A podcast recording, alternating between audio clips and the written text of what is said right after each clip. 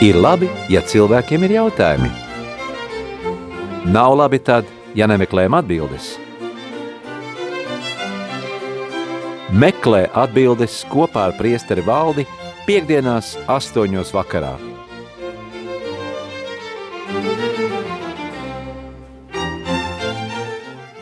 Dārgie rādījumi arī Latvijas klausītāji, ēterā skan raidījums meklē atbildes kopā ar priesteru valdi. Esam studijā es Jākaps un Priestars Valdes. E, gaidam jūsu jautājumus e, īziņās 266 77 272, kā arī var piezvanīt uz studiju 67 969 131. Garāku jautājumu var uzrakstīt arī uz studija at rml.lv. Priester Valdi, mums laikam palika kāda neizlasīta jautājuma pagājušreiz. Nu tad droši var nolasīt, kas tur ir. Mm, man, man nav līdz, jums vieglāk būs nolasīt tagad. Tu, tu, tu, tu, tu vienmirklīt.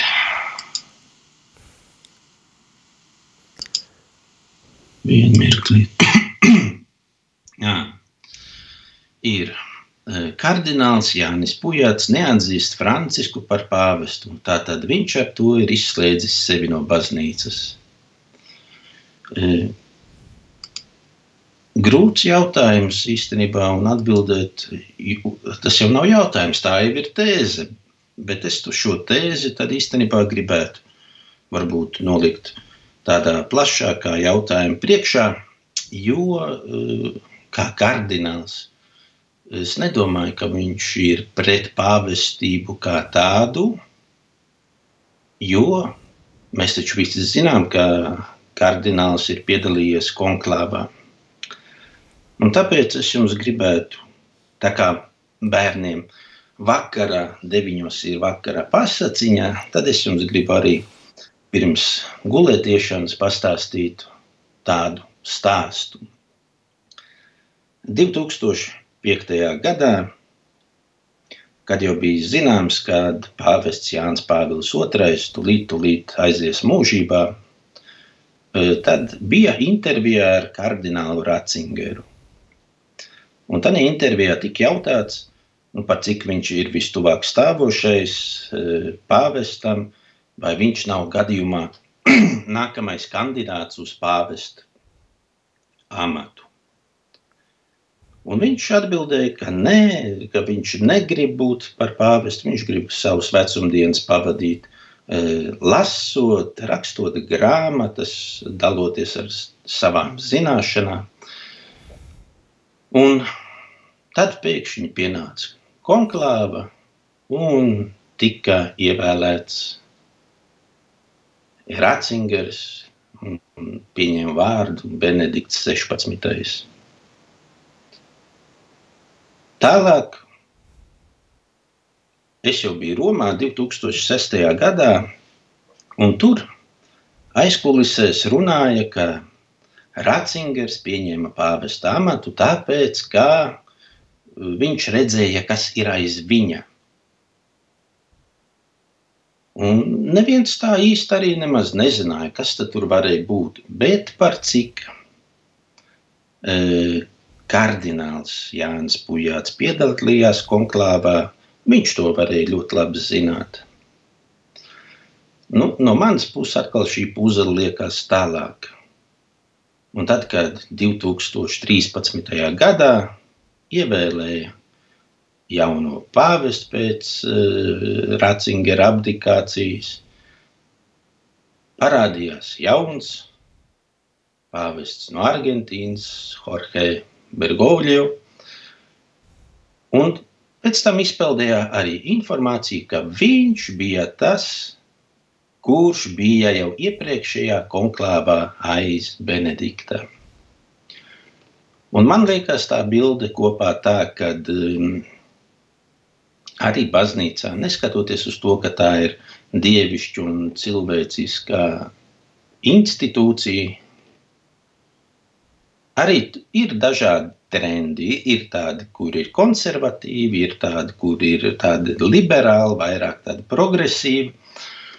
Un es domāju, ka e, kardināls Ratzingers zināja, pazina to situāciju, un viņš negribēja pieļaut, ka tādi progresīvi, liberāli cilvēki nonāktu pie varas. Un tāpēc arī viņš beigās pieņēma to kardinālu, tas pāvesta amatu.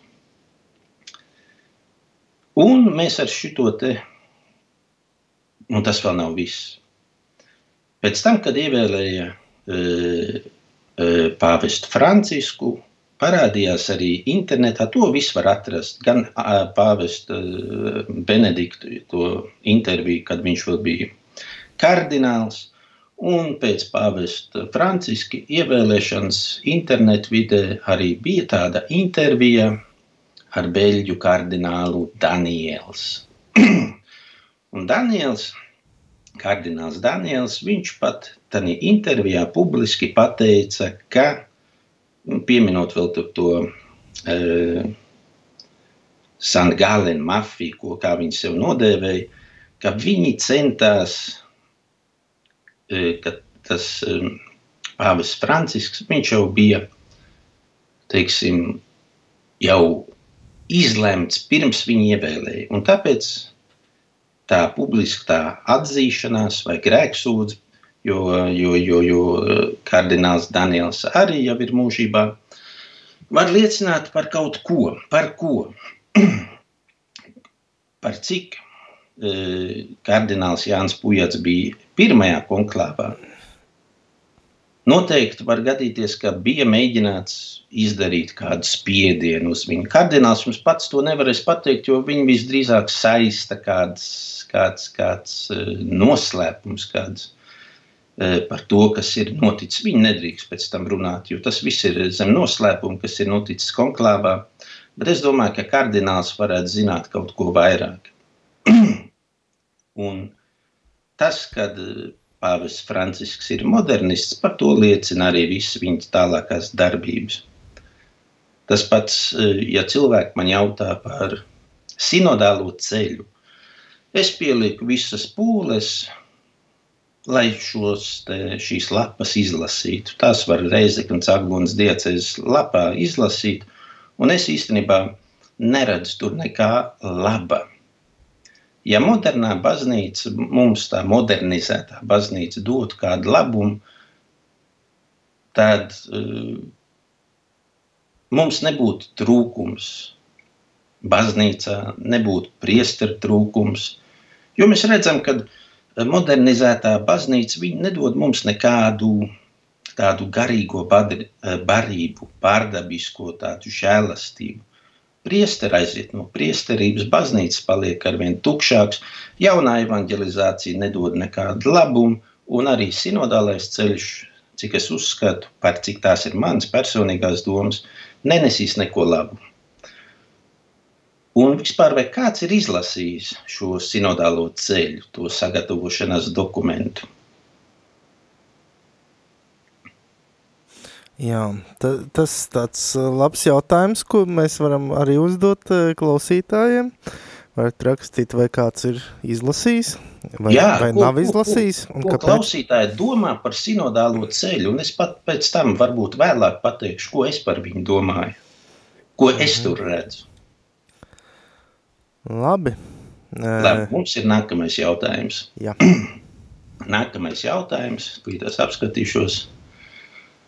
Latvijas veltīšanas diamātiem ārzemes karalienē lūkšana, arhibīskapa lūkšana, ko vajadzētu cilvēku iesakt lūgties. Kā būtu pareizi, ja nejūtas vesels, palikt mājās vai upurēt dievam un iet uz baznīcu? E, jebkurā gadījumā palikt mājās. Ja cilvēks ir slims, viņam nav pienākums iet uz baznīcu, un dažreiz mūsu upuri, viņi var būt negudri. Mēs varam nodarīt eh, kaitējumu varbūt vairāk nekā, nekā tas upuris var nest labumu. Tāpēc vispirms parūpēties par, par veselību un tad iet uz baznīcu. Jo dažreiz cilvēkiem ienāk prātā, nu, ka viņi var, var panest vairāk, bet viņi uzņemas vairāk nekā viņi ir spējīgi panest. Tas tiešām var izdarīt cilvēkam ļaunu nekā labu. Es domāju, skaidrs. Mm -hmm. Tā, tad ir vēl viens jautājums. Valdi pēc kristībām svētajā garā ieteica meklēt savu garīgo tēvu. Kā viņu var atrast? Kur? Pirmais jautājums - kristības svētajā garā. Mums ir viena kristība, mums ir kristība baznīcā, tad, kad mēs tiekam pieņemti baznīcas eh, kopienā, baznīcas klēpī, mēs kļūstam par Dievu bērniem. Kristības svētajā garā eh, tas ir tāds vairāk termins eh, harizmātisks. Mm -hmm. Bet, Bet nu, to var varbūt pielīdzināt katoļiem iestiprināšanas sakramentā, kad arī tiek svaidīts svētajā garā cilvēks, ticīgais, saņem svēto garu arī kristības sakramentā. Visos sakramentos darbojas trīsvienība. Bet te es domāju īstenībā, kad akcents ir uz jautājumu, ieteica meklēt savu garīgo tēvu, kā viņu atrast, kur. E, garīgo tēvu, nu, parasti, ja izvēlas seminārām garīgo tēvu klosteros, kādās kopienās, uh, ir dažas īpašības, kuras ir ļoti svarīgas. Es domāju, pirmais, nu, garīgajam tēvam viņam jābūt ar dzīves pieredzi. Tas nevar būt jauns cilvēks. Var būt jauns, arī garīgs cilvēks, izglītots, bet dzīves pieredze, e, nu, tur ir jāpaiet laikam, tur ir jābūt tādam bagātam. Visdrīzāk, nu, cilvēks, kurš ir gados, Bet no... nu, nevienmēr gados tas ir, ir garantija, ka cilvēkam ir pieredze. Nevienmēr, Jā. bet es domāju, ir jābūt, tas ir viens, kad ir pieredze, viņš ir gudrs. Ja? Jo tā dzīves pieredze cilvēku var padarīt gudru. Viņam ir bijusi satikšanās ar ļoti daudziem cilvēkiem, ļoti daudziem dažādiem dvēseles stāvokļiem, cilvēku dzīves apstākļiem, garīgiem piedzīvojumiem, pārdzīvojumiem. Un pašam, pašam priesterim ir jābūt garīgam. Viņš nevar būt materiālists, viņš nevar būt uh, tāds, kurš domā par laicīgām lietām vairāk nekā par garīgām. Kur viņam pirmajā vietā, es domāju, ir dvēseles pestīšana, arī par, par tiem rūpējoties par tiem garīgajiem bērniem, kurus Dievs viņam uztic. Kur viņu atrast? Nu, Nu, skatieties, es nevaru pateikt, iedot adresi, brauciet uz tādu un tādu pilsētu, uz tādu un tādu ielu, tur jūs atradīsiet priekš sevis vispiemērotāko garīgo tēvu. Nav tā. Ne visi garīgie tēvi atbilst atkal visiem. Tā kā cilvēkam pašam ir jāizvērtē, lai viņam būtu gudrs garīgais tēvs, kas ir, viņš ir tēvs, Un arī tādā pašā laikā viņš var būt, viņam var netrūkt priekš tā garīgā bērna mīlestības, un arī tomēr ir jābūt kaut kādai e, disciplīnai. Nevar būt pārāk tāds, tāds vaļīgs. Nu, jābūt gan prasīgam, gan ar mīlestību, jābūt taisnīgam,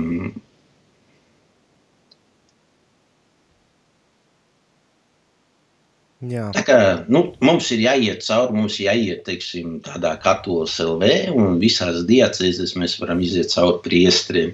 Nav svarīgi, ir fotografija klāt, nav fotografija klāt, jo fotografija var būt mānīga, tā var būt pirms kādiem 30 gadiem, vai, vai, vai kā. Izskatīsies jauns, bet izrādīsies būs gados vecs. Bet nu, tur cilvēkam pašam jāmeklē, viņam ir jāsaprot, ja, ka tas, tas viņam atbilst, tam es varu uzticēties. Un, Un ka tas cilvēks man arī īstenībā palīdz. To, to arī nevar uzreiz pateikt, jo e, ar laiku pēc augļiem mēs tikai varam lietas saprast. Ar laiku, ja tas, tiksim, tie garīgie padomi, garīgā vadība, viņi palīdz tikt galā ar kaut kādām garīgām grūtībām, palīdz garīgā augšanā. E, to, to tikai ar laiku var uzreiz, nu, uzreiz nepateiks, tikai ar laiku. -hmm. Bet, e, nu, garīgais tēvs, tas, tas tā nu, varbūt pastāstiet nezinātājiem, ko kā, kā, tas ir nu, regulāri tiekās ar garīgo tēvu un pārunā lietas, vai, vai kā norit šī garīgā pavadība? Nu, garīgā pavadība, nu, garīgais tēvs, nu, kurš ir Un apmēram kā, kā, kā minēja, ja, ar kuru jāsatiekas, nu, ar kuru var pārunāt šīs lietas. Varbūt arī nu, garīgais tēvs, bikts tēvs, varbūt arī vienā personā. Īstenībā mums ir jāsaprot, ka viens mums ir garīgais tēvs, un viens ir bikts tēvs. Garīgais tēvs ir tas, kurš ir seko līdzi garīgai dzīvei, konkrētam cilvēkam, zina viņa apstākļus, zina, kā risināt lietas, jo viņam šī garīgā pieredze atkal dod, to, dod viņam padomu. Un bikts tēvs tas ir kaut kas cits. Nav jābūt vienmēr vienam un tam pašam. Jā, mums ir zvans, lūdzu. Halo, labvakar. Labvakar. Man sauc Alfs, un man ir viens jautājums priesterim. Jā. Vakar bija ļoti interesanti. Man liekas, ka vakar bija vienkārši es tādu stūrēju autobusu un izlaidu skan radio Mariju. Tā kā, ja kāds iekāpa autobusā un dzird radio Mariju no šoferu puses, tad tas mēs. Laikam vienīgais no šoferiem, kas klausās. klausās radio Mariju visu laiku. Bet vienīgais no man Es jautājums domāju, ka citi šoferi arī klausās. Ko tad? Es domāju, ka citi šoferi arī Nu, es klausās. ceru, jā, jā, bet man ir jautājums tāds, sveiciens, Jēkabs ir pie Jā. jā. Čau, Jēkab, Alfa, atceries? Atceros, atceros. uz Meģigoru braucām. tā, mans jautājums bija tāds par to, ka es drusciņi pētīju par cik gal galā arī skaitos tā kā teologs, tad es papētīju to jautājumu, ja tev sit pa vienu vaigu, tad pagriez otru vaigu. Bet mans jautājums priesterim tāds, es tomēr pētīju, ka tur, oriģināla tekstā, ja tev sit pa labo vaigu, tad tu pagriez otru vaigu. Un manā izpratnē, eh, es nezinu, kā tas ir priesteri, tas ir tomēr tā, ka pa labo vaigu, nu, normāls cilvēks ar labo, labis, jā, nevis krēlis, viņš nevar iesist pa labo vaigu. Jā, tātad viņš sit no muguras. Un tātad tas nozīmē to, ja tev kāds pāri dara, vai briesmas, vai kas, tad tu pagriezies un pret viņu. Tātad tu pagriez otru vaigu un pajautā, kāpēc. Jā, tādā tām tai situācijai tu nevis pagriez otru vaigu, bet tu vienkārši pagriezies pret to sitēju un pajautā, kāpēc tu man sit. Nu, tas ir man tāds viedoklis. Es nezinu, kāds varētu būt priesteru viedoklis. Būtu ļoti in in interesanti dzirdēt viņa komentāru. Eh, Viņa komentārs jau ir bijis vairākas reizes uz šo te. Ir, jā? Ir, es varu atkārtot. Eh, Tas ir Nu, bet vai jūs tomēr piekrītat, ka nu, tomēr tas nav tā, ka, nu, ja tev kāds pāri dara, nu, tad jā, jā, nu, ko darīt? Nu, nu cit vēlreiz. Nē, nu, Nē, nē, nē, nē neiet, par, neiet par to runu. Tāpat arī tā interpretācija par to, ka uh, sit pa labo vai pagriez otru. Te bija runa, kad bija sitiens ar apgriezto plaukstu. Ar apgriezto plaukstu tas bija ļoti pazemojošs sitiens. Un par to pazemojošo sitienu pienācās arī konkrēts sots. Tā nedrīkstēja pazemot. Labi. Jā, nu, paldies, paldies, jā. Paldies, svētīgu vakaru. Āmen. Paldies! Šādi. Jā, nu, paldies. Labi, tad nākamais jautājums. Nākamais jautājums vairs nav. Nākamā jautājuma. Labi, Īstenībā, kur atrast garīgo tēvu? Varbūt ir kaut kas ienācis. um,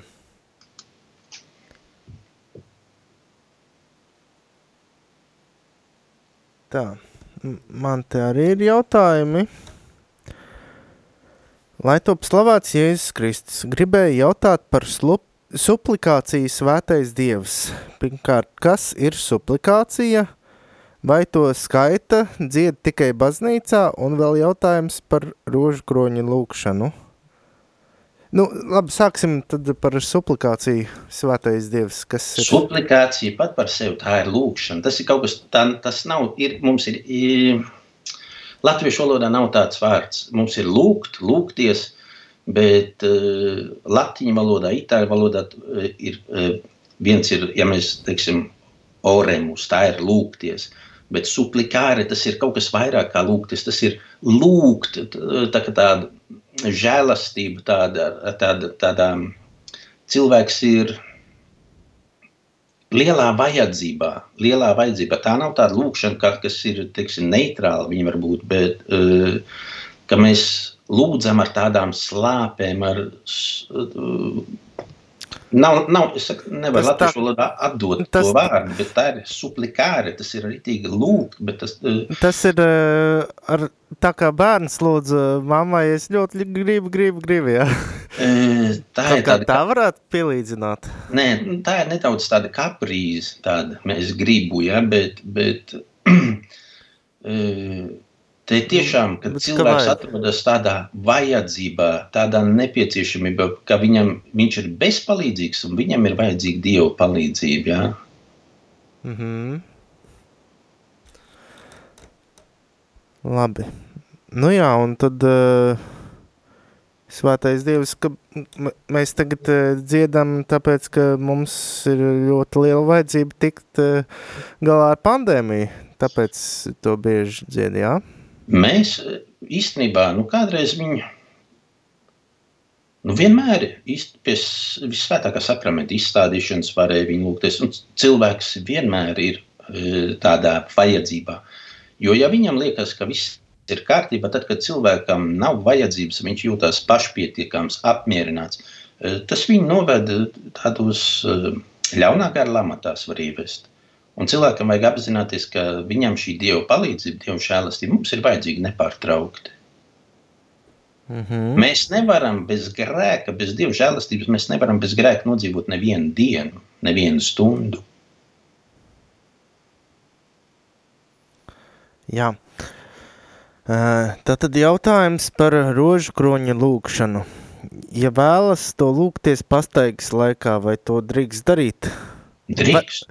Un vai visi noslēpumi jāzina no galvas? Mm, piespiest jau nevienu nevar zināt no galvas, bet, nu, ja cilvēkam ir svarīgi šie e, pestīšanas noslēpumi, dievu tās pestīšanas plāna noslēpumi viņa dzīvē, nu, ir normāli. Tev jau nav jāzina no galvas, kā tas ir lūkšana grāmatā rakstīts vārdu pa vārdam, kā citi eh, vecāki cilvēki gados jau, kur gadiem lūgušies rožkroni, viņi neskatoties lūkšana grāmatā, viņi noskaitīs rožkroni ar visiem noslēpumiem, ar visiem aprakstiem, viņi noskaitīs visas litānijas. Nav obligāti tā jābūt. Pietiek, ka mēs zinām, kas, kas par noslēpumu un kāds eh, tas pestīšanas noslēpums tiek apdomāts tajā konkrētajā, kur mēs lūdzamies. Vai tā ir piedzimšana, Elizabetes apmeklēšana, piedzimšana, upurēšana svētnīcā, atrašana svētnīcā. Un, ja mēs zinām, pilnīgi pietiek, un mēs lūdzoties to, to rožkroņu noslēpumu, varam pārdomāt to notikumu Jēzus dzīvē, un, vai arī mēs varam pārdomāt, par ko mēs lūdzamies. To, eh, un ir labi, ja cilvēki Viņi nebaidās. Viņi nedom, nevajag jau domāt, ka mēs varam lūgties tikai tad, kad mēs esam kādā baznīcā, kapelā, kur uz ceļiem visvētākā sakramenta priekšā. Nē, lūgties mēs varam ejot, darot. Protams, ka visideālāk ir tad, kad mēs esam vairāk sakoncentrēti, jo ir ārējās lietas, kas mums var traucēt lūkšanā. Mēs kļūstam izklaidīgi.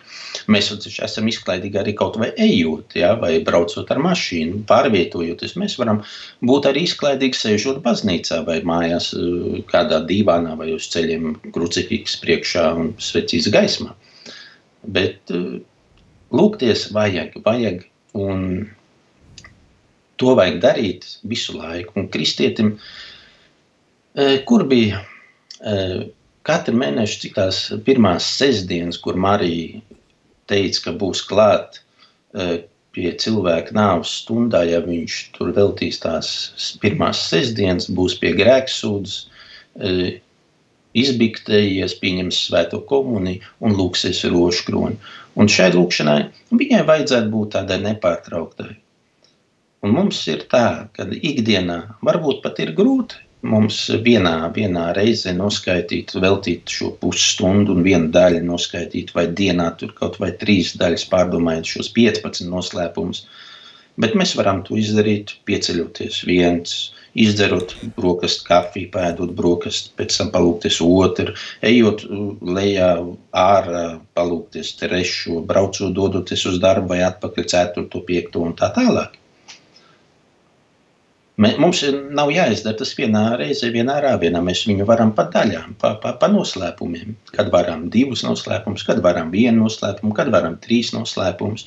Lai mums tā lūkšana, mums viņa ir ikdienā, lai viņi ir visu laiku. Tā ir arī mēs tā tuvojamies tai nepārtrauktai lūkšanai, ka mums tā ir jau kļūst ne tikai kopīgi ģimene vai kaut kur baznīcā draudzē lūdzoties par tādu lūkšanu, bet kad mums jau tā lūkšana kļūst arī par tādu iekšēju lūkšanu.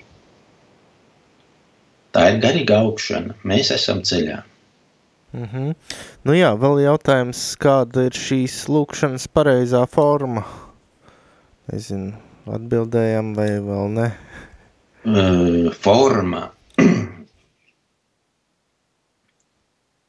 Es šo jautājumu līdz galam nesaprotu, kas ir domāts ar kāda ir pareizā lūkšanas forma. Vai to recitēt, vai viņu dziedāt, vai kā, Nē, nu, kā mēs lūdzamies. Tā arī lūdzamies. Nu, pats galvenais jāatcerās, ka lūkšana ir saruna ar Dievu. Jā, viņai jābūt, ir, nu, viņai jābūt tādai atklātai, vaļsirdīgai, paļāvības pilnai. Uh, mīlestībai jābūt lūkšanā. Viņai nevajadzētu būt arī tādai sasteigtai, nervozai.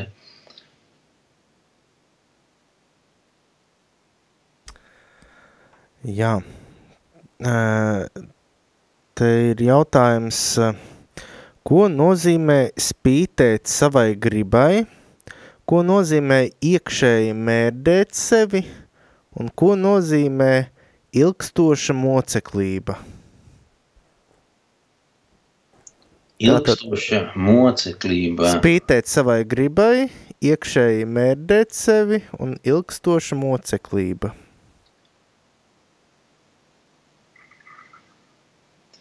Spītēt savai gribai, nu tas ir kaut ko darīt pret savu gribu, nedarīt to, ko gribu, griba grib.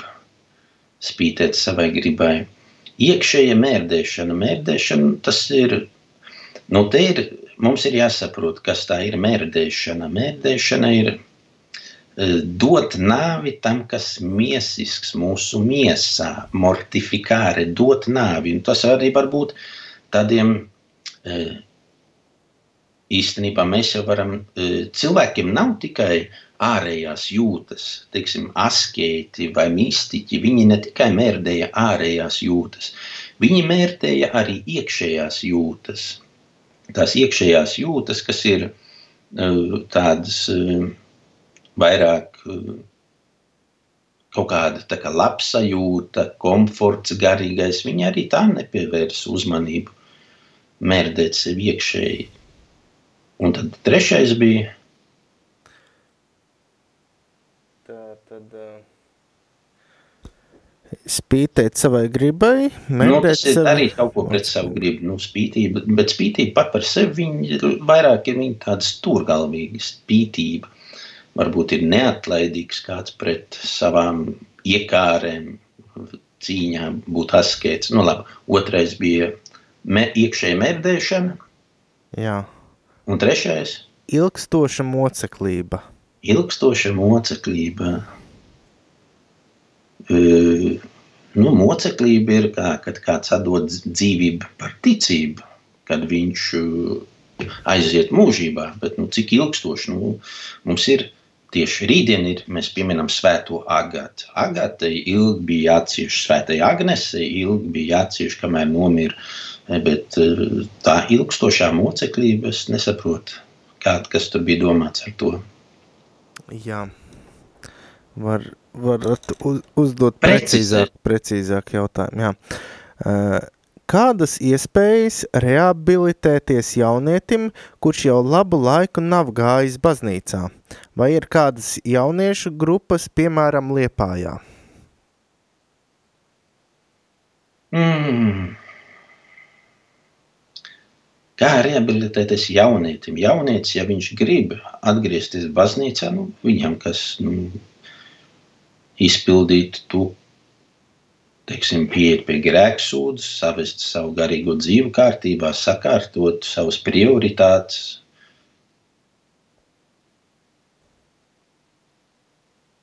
Rehabilitēties, tas ir viss atkarīgs no cilvēka labās gribas. Ja viņš grib laboties, viņš grib mainīt savu dzīvi. Te jau nav tā par rehabilitāciju, ka kāds ir no baznīcas patriekts, jo viņš nav labi uzvedies. Tā būtu rehabilitācija, ja, ka viņam jāiziet, jāizpild kaut kāda, tur jānokļauj zālīt, viņš kaut ko ir sastrādājis vai kādu logu ne, mm, izsits tīšām. Ka viņam jāiet kaut kas jāatstrādā. Tā būtu tāda rehabilitācija. Bet, ja cilvēks te runa ir par atgriešanos, kad viņš saprot, ka nu, tā dzīve, kāda viņš ir dzīvojis bez baznīcas, bez dieva līdz šim, viņu nepie kā labi nav novedusi, tad viņš, ko, nu, viņš iet un izlīkst ar dievu. Pirmkārt, lūdzot dievam atdošanu, gandarot par saviem grēkiem, uzsāk, atsākot teiksim, lūgšanu dzīvi, e, pieņemot svētos sakramentus.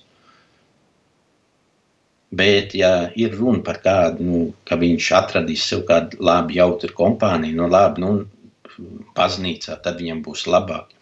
Nu, grūti pateikt, tagad Liepājā, nezinu, jebkurā gadījumā var mēģināt doties uz baznīcu un iet pie priestera.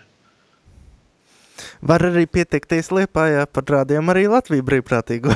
arī, ne, nu, ir, ir, nu, ir jauni, jauni cilvēki, gan jau satikt, kā Jā. nu, atkarībā cik pats ir jauns, varbūt viņam tie, kas ir, mums likas jauni, viņam jau ir vecs. Jā, jā. Nākamais jautājums, lai slavēts Jēzus Kristus, vai priesteris svēto misi var turēt tikai vienā nodomā? Ir situācija, ka draudzē izveidojusies liela rinda, Lūdzot noturēt svēto misi, priesteris atbild, ka to izdarīt var tikai pēc četriem mēnešiem. Sūta meklēt palīdzību citā draudzē. E, jā, e, svēto misi priesteris var nosvinēt tikai vienā nodomā. Saskaņā ar to, nu, kas ir e, nu, kāda ziedotāja nodomā vai kādā viņam noliktā nodomā. Nevar tā, ka atnāk viens cilvēks un viņš grib, lai pa viņa ģimeni palūdzās, atnāk nākamais un tā pašā misē nosvinēt misi par tiem, par citiem tur mirušajiem, pēc tam nevar. Šīs te, mm, kā viņas saucās, kumula, kumulatīvās mises, e, viņas var laik pa laikam kādā draudzē, ja gadījumā e, bīskaps to atļauj. Ar bīskapa atļauju var tās kumulācija, nu, kumulatīvās, kaut kas tā, tā man liekas, viņas arī saucās tās kumulatīvās misijas varēja, un tad atkal tur jau ir savu nosacījumu, cik priesteris drīkst paņemt sev ziedojumu, cik viņam ir jādod kūrijai, bet tie ir īpaši gadījumi. Latvijā, protams, ka tas var notikt lielā draudzē, kur ir viens priesteris, tā tas ir, bet nu, ar, prie, ar bīskapa atļauju priesteris ja vienojas un biskups dod, dod atļauju reizi nedēļā, teiksim, varbūt reizi mēnesī, ja, varbūt šīs te misas. Bet pārsvarā normālā kārtībā tiešām tikai viena misu vienā nodomā un, un neko vairāk. Tāpēc, eh, kāpēc arī tas tika ievests, ieviests, tas tika ieviests tāds nosacījums, lai nebūtu tā saucamā simonija, Simonī tas ir kāda priesteris eh, dala svētos sakraments man kārīgos nolūkos. Un es pats esmu dzirdējis, un arī normāli priesteris normālā kārtībā var svinēt vienu misiju, ja ir vajadzība divas, trīs, ceturtajai jau vajag pāvest atļauju. Bet nu, esmu redzējis arī tādas ārkārtas situācijas, kad um, nezinu, varbūt mentāli slims cilvēks, nu, priesteris, ja viņš uh, paņem piecas misijas kapelā pēc kārtas un pa visām misēm savāc ziedojumu. Tā ir tā, ir tā saucamā simonija, ko baznīca nosoda. Tāpēc cilvēkiem, ah, nu kāda ir izēja? Kāda ir izēja? Nu, tad ir izēja tiešām, jā, nu, kā priesteris, jā, prāvests vai priesteris saka, ka jāmeklē palīdzība citā draudzē. Nu, var piezvanīt uz kādu citu draugu un pajautāt, vai nav tādā un tādā dienā brīvs, brīvs, brīvs laiks, kad var nosvinēt svēto misiju tādā un tādā nodomā. Viss. Tāds ir izcinājums pagaidām. Vai arī lielākā draudzē, kur ir teiksim, kopienas lielāks, uh, pie kapucīniem, man liekas, tur ir vairāk tie priesteri. Kur ir vairāk priesteri, tur ir vieglāk. Tur, kur viens priesteris, protams, ka tur var būt grūti. Mm -hmm.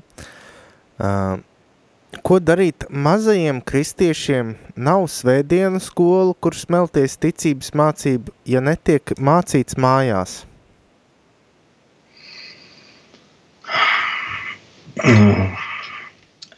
Beidīgi, ja nav svētdienas skola, un te ir tā uh, vecāka atbildība, vai pretējā gadījumā tā ir bezatbildība. Vecvecāki varbūt zina, apzinās, ka vajadzētu uz mazbērniņus, vajadzētu aizvest pie pirmās svētās komunijas, varbūt pat nav nokristīta. Ja tā ir kristīt bērnu, tad, tad arī krustvecāku atbildība tomēr. Arī krustvecākiem, protams, jo krustvecākiem ir ļoti liela atbildība, ja vecāki to nedara. Un, nu, tā ir cilvēka bezatbildība, ko darīt. Ko darīt. Tā ir vecāka, vecvecāka. Nu, vecvecākiem jādara kaut kas, ja, ja mazbērni netiek vest pie, pie sakramentiem, netiek mācīt, ja mājās netiek nodot ticību tālāk. Un mēs brīnamies. Mēs brīnamies, ka baznīcas ir tukšs un nav kas māca. Tā ir mūsu cilvēka paša atbildība. Protams, arī prie, priesteriem kaut kādā veidā tā ir atbildība. Uh, Nu, sarežģīta situācija īstenībā, nu, grūti pateikt, sarežģīta, nesarežģīta. Nu, cilvēki paši nemāca, nenodod ticību tālāk.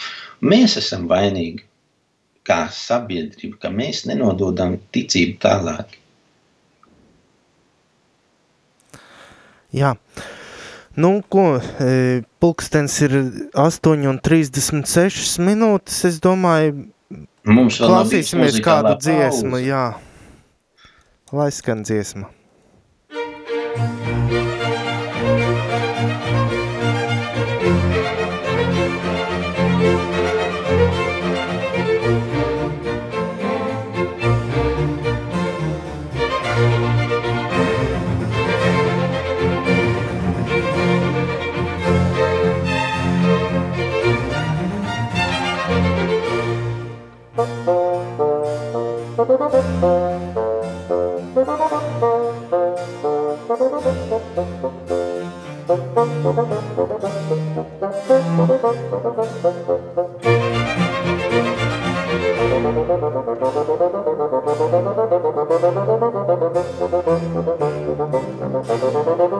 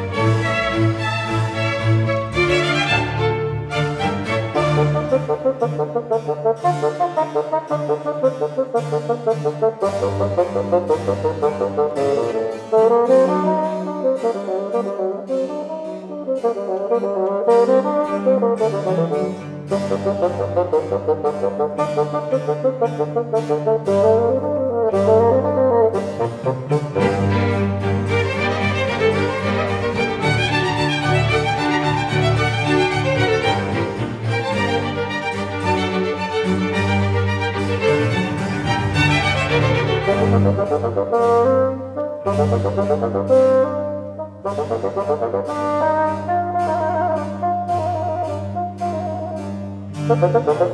you.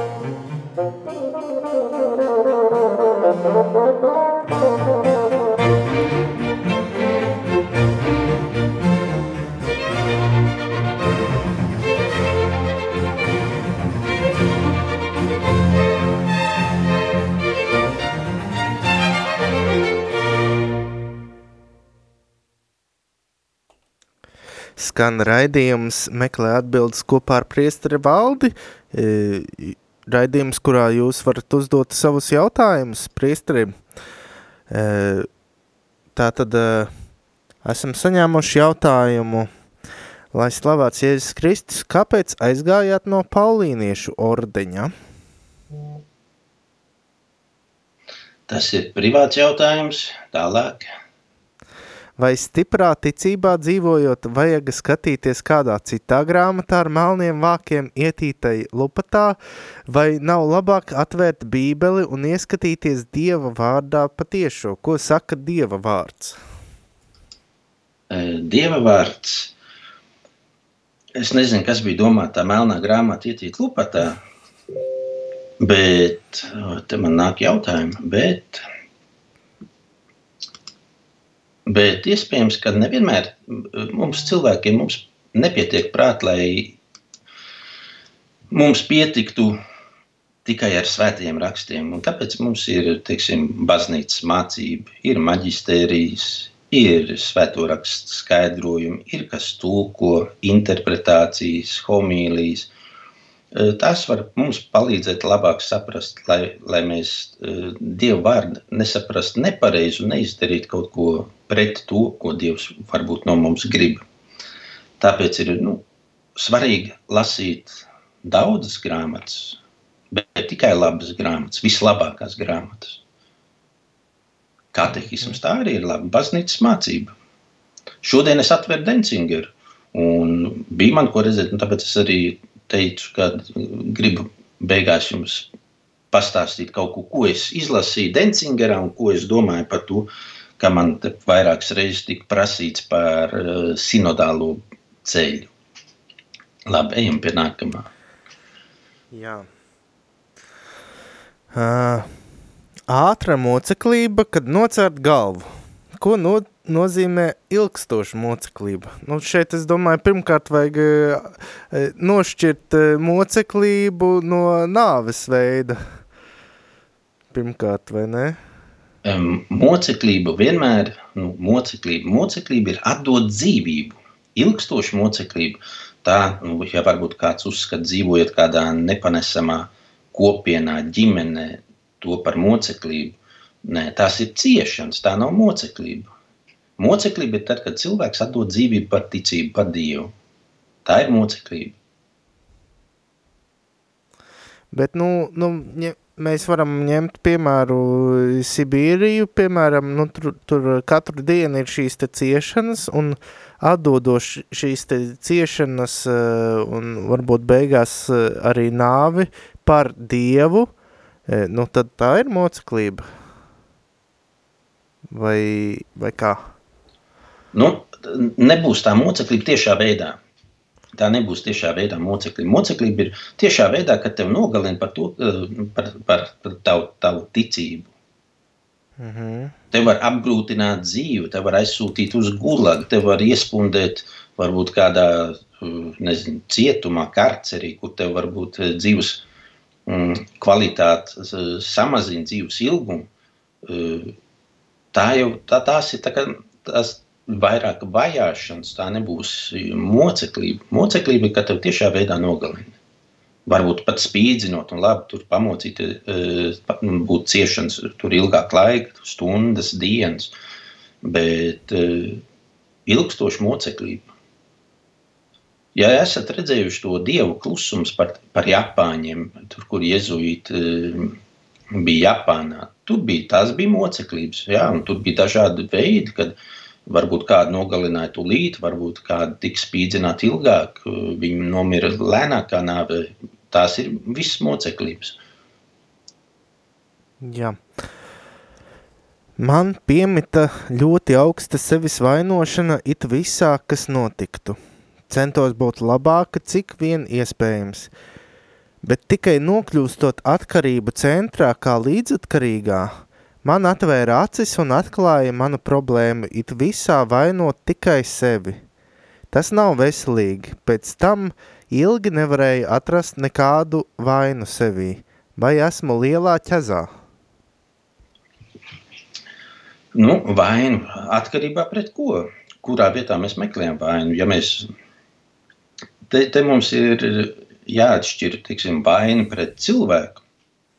Varbūt tiešām mēs esam bijuši tik skrupulozi un vainojuši vienmēr sevi, ka, ka, ka, ka, kā kaut kas, tad es pie viss vainīgs, ka kādam citam neveicas, vai ka kāds cits ir ļauns, vai, vai atkarībā, vai kā. Bet, ja mēs ieskatītos no otras puses savā, savā dvēselē, mēs noteikti atrastu kādu grēku sevi. Nav tā, ka mēs esam, mēs nere, mūsos nav nekādas vainas, bet tā vaina nevar būt tieši pret kādu tuvāku. Tā var būt vaina pret Dievu, tā var būt vaina pret mums pašiem. Tur, es domāju, ir arī tā lieta ir jāpārdomā, var ar kādu gudrāku cilvēku izrunāt. Nav problēma. Jā, Bet nu- speciāli nu, nav jāmeklē. Un? Pagaidām visi jautājumi ir izrunāti? Nē, nav. E, mums ir, man vēl ir jautājums par to apgriezto roku. Jā. E, ir jautājums, kad uh, apgrieztais plauksts sitiens palika neskaidrs. Es viņu skaidroju kā hiperbolu.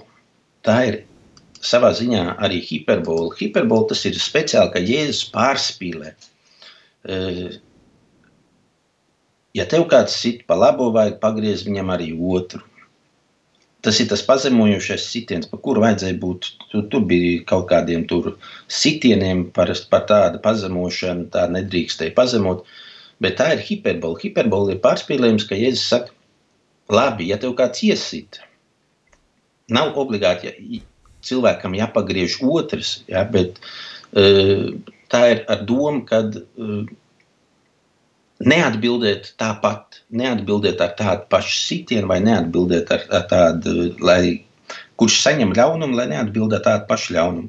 Tas nenozīmē arī, ka Jēzus saka, nu, burtiski, ja, kad pagriez arī otru, jo vislabākā atbilde šajā gadījumā ir virspriestera, tā augstā priestera priekšā, kad Jēzum uzdod jautājumu, vai uh, viņam, viņam uzdeva jautājumu, es vairs nevaru konkrēti nocitēt, bet viņam atbildot, uh, virspriestera kalps iesit viņam pa vaigu, viņš saka, ja es pareizi atbildēju, kāpēc tu man siti, ja nepareizi, tad pierādi, ka nepareizi. Ja? Ka nav tā, ka Jēzus, nu, nu ja jau iesit, nu, tad sit vēl. Nē, nē, nē, nē. Tā ir doma, lai cilvēks neatbildētu tāpat. Jo vēl mums ir evanģēlijā, ja tavu labā roka ir tev par apgrēcību, nocer to, ja tavu labā kāja tev par apgrēcību, nocer to, ja tev acis ir par apgrēcību, izrauj to. Tas nenozīmē, ka burtiski mums tas ir jāizdara. Jēzus saka, lai mēs nenonāktu līdz tādam stāvoklim, ka mēs grēkot, ja, ka mēs grēkot labāk nu, mums ir jāizdara viss, lai cilvēks nesagrēkotu. Par to jau ir bijusi runa.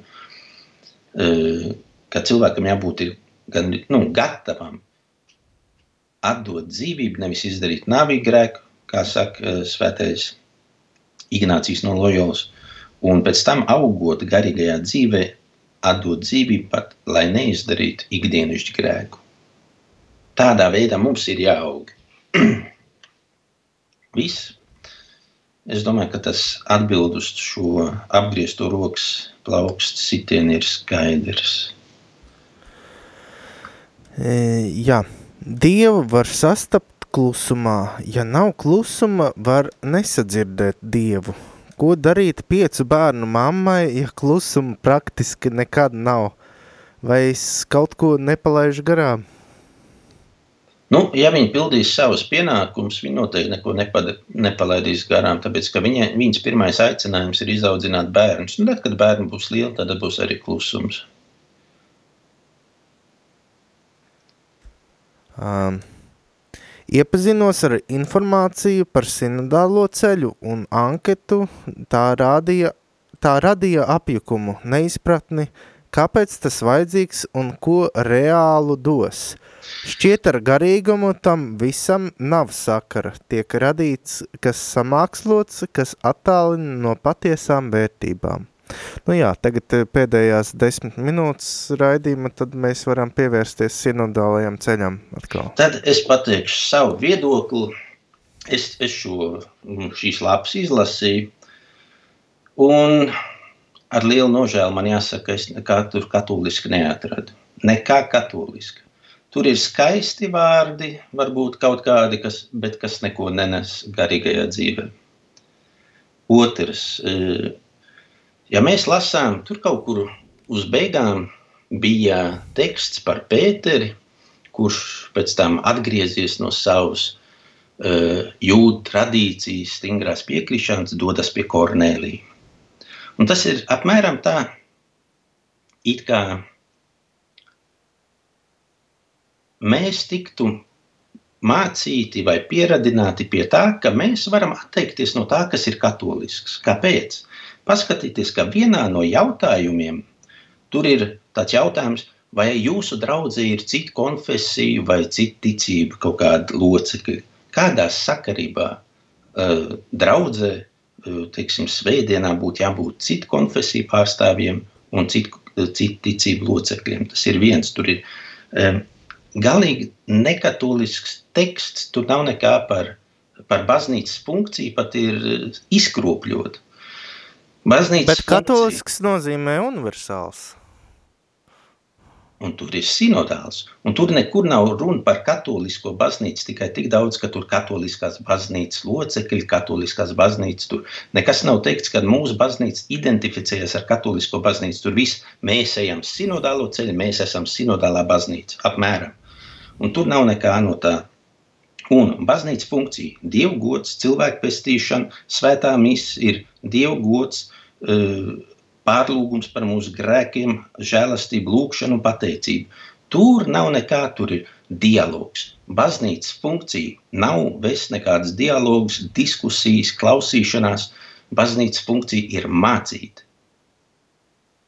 Un tur ir dialogs, ko mēs klausīsimies. Tos, kas ir margines, Tad, reku, man margines te nāk, eh, pirmdien, trešdien, piekdien nāk, margines nāk uz zupas virtuvi.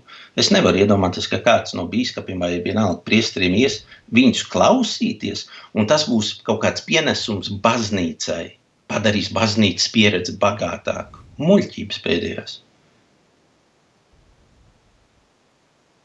-hmm.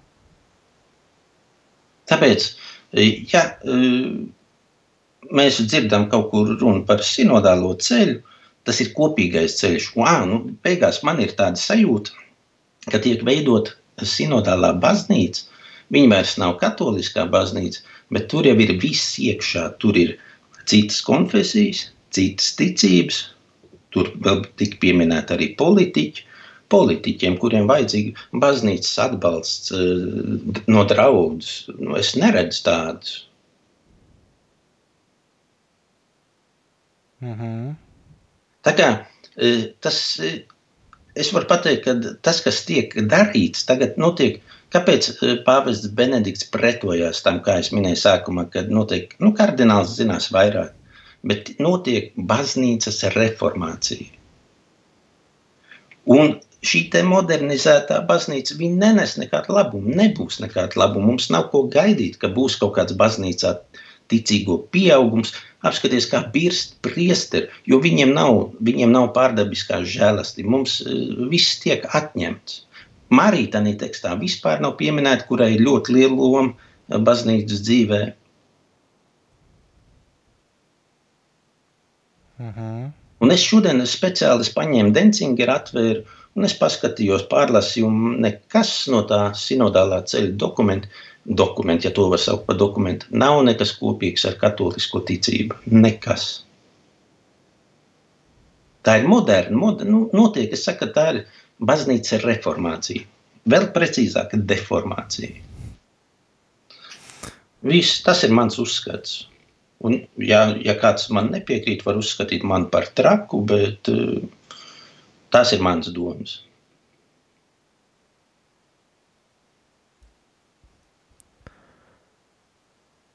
Jā, nu, nos, noslēgsim ar vienu ātro jautājumu. Ļoti Tomēr. vēlos slavēt Dievu. Man ir šis prieks, ko vēlos dāvāt Dievam. Kā to darīt un kur? Nu, man gribas slavēt Dievu. Man ir prieks, ko vēlos dāvāt Dievam. Un kā to darīt un kur? Nu, to jau viņi var tieši tādā stāvoklī, kādā viņa atrodas. Tas cilvēks, viņš, viņa eh, var slavēt Dievu nevis kur, nevajag. Dievam arī šī gadījumā tādā stāvoklī viņam vieta varbūt pat nav svarīga. Ja? Pacel savu sirdi pie Dievu, slavē, dziedi. Ja publiskā vietā to var darīt klusām, var apslāpēt. Protams, ka nu, eh, ārēji apstākļi mums var traucēt, protams. Bet vēl, nu, ir. Man Itālijā, Romā man bija labi. Es varēju iziet uz terases, ja, un, un tur, tur bija laba vieta. Tur neviens tev netraucēja. Uh, un tur arī tādas ziemas nebija, kad var iet kaut kur brīvi, nenosaltu. Bet, bet, bet uh, nu, cilvēkam jāatrod tas moments, jo es zinu, man arī bija tādi momenti, uh, un nu, kaut ko nu, es atradu savu veidu, kā slavēt Dievu, viņam pateikties, lūgties, slavēt, pateikties. Ir, ir tāda veida. Cilvēkam jāatrod, kur viņš vislabāk to var izdarīt, kādā veidā. Jā. Nu, labi, paldies. Šīs dienas raidījums jau ir laiks pienācis to noslēgt. Uh, varbūt kādu svētību? Dievs kungs, lai ir ar jums. Kungs ir ar tevi lai jūs svētī visvarenais Dievs, Tēvs un Dēls un Svētais Gars. Amen. Slavēsim kungu. Pateicība Dievam.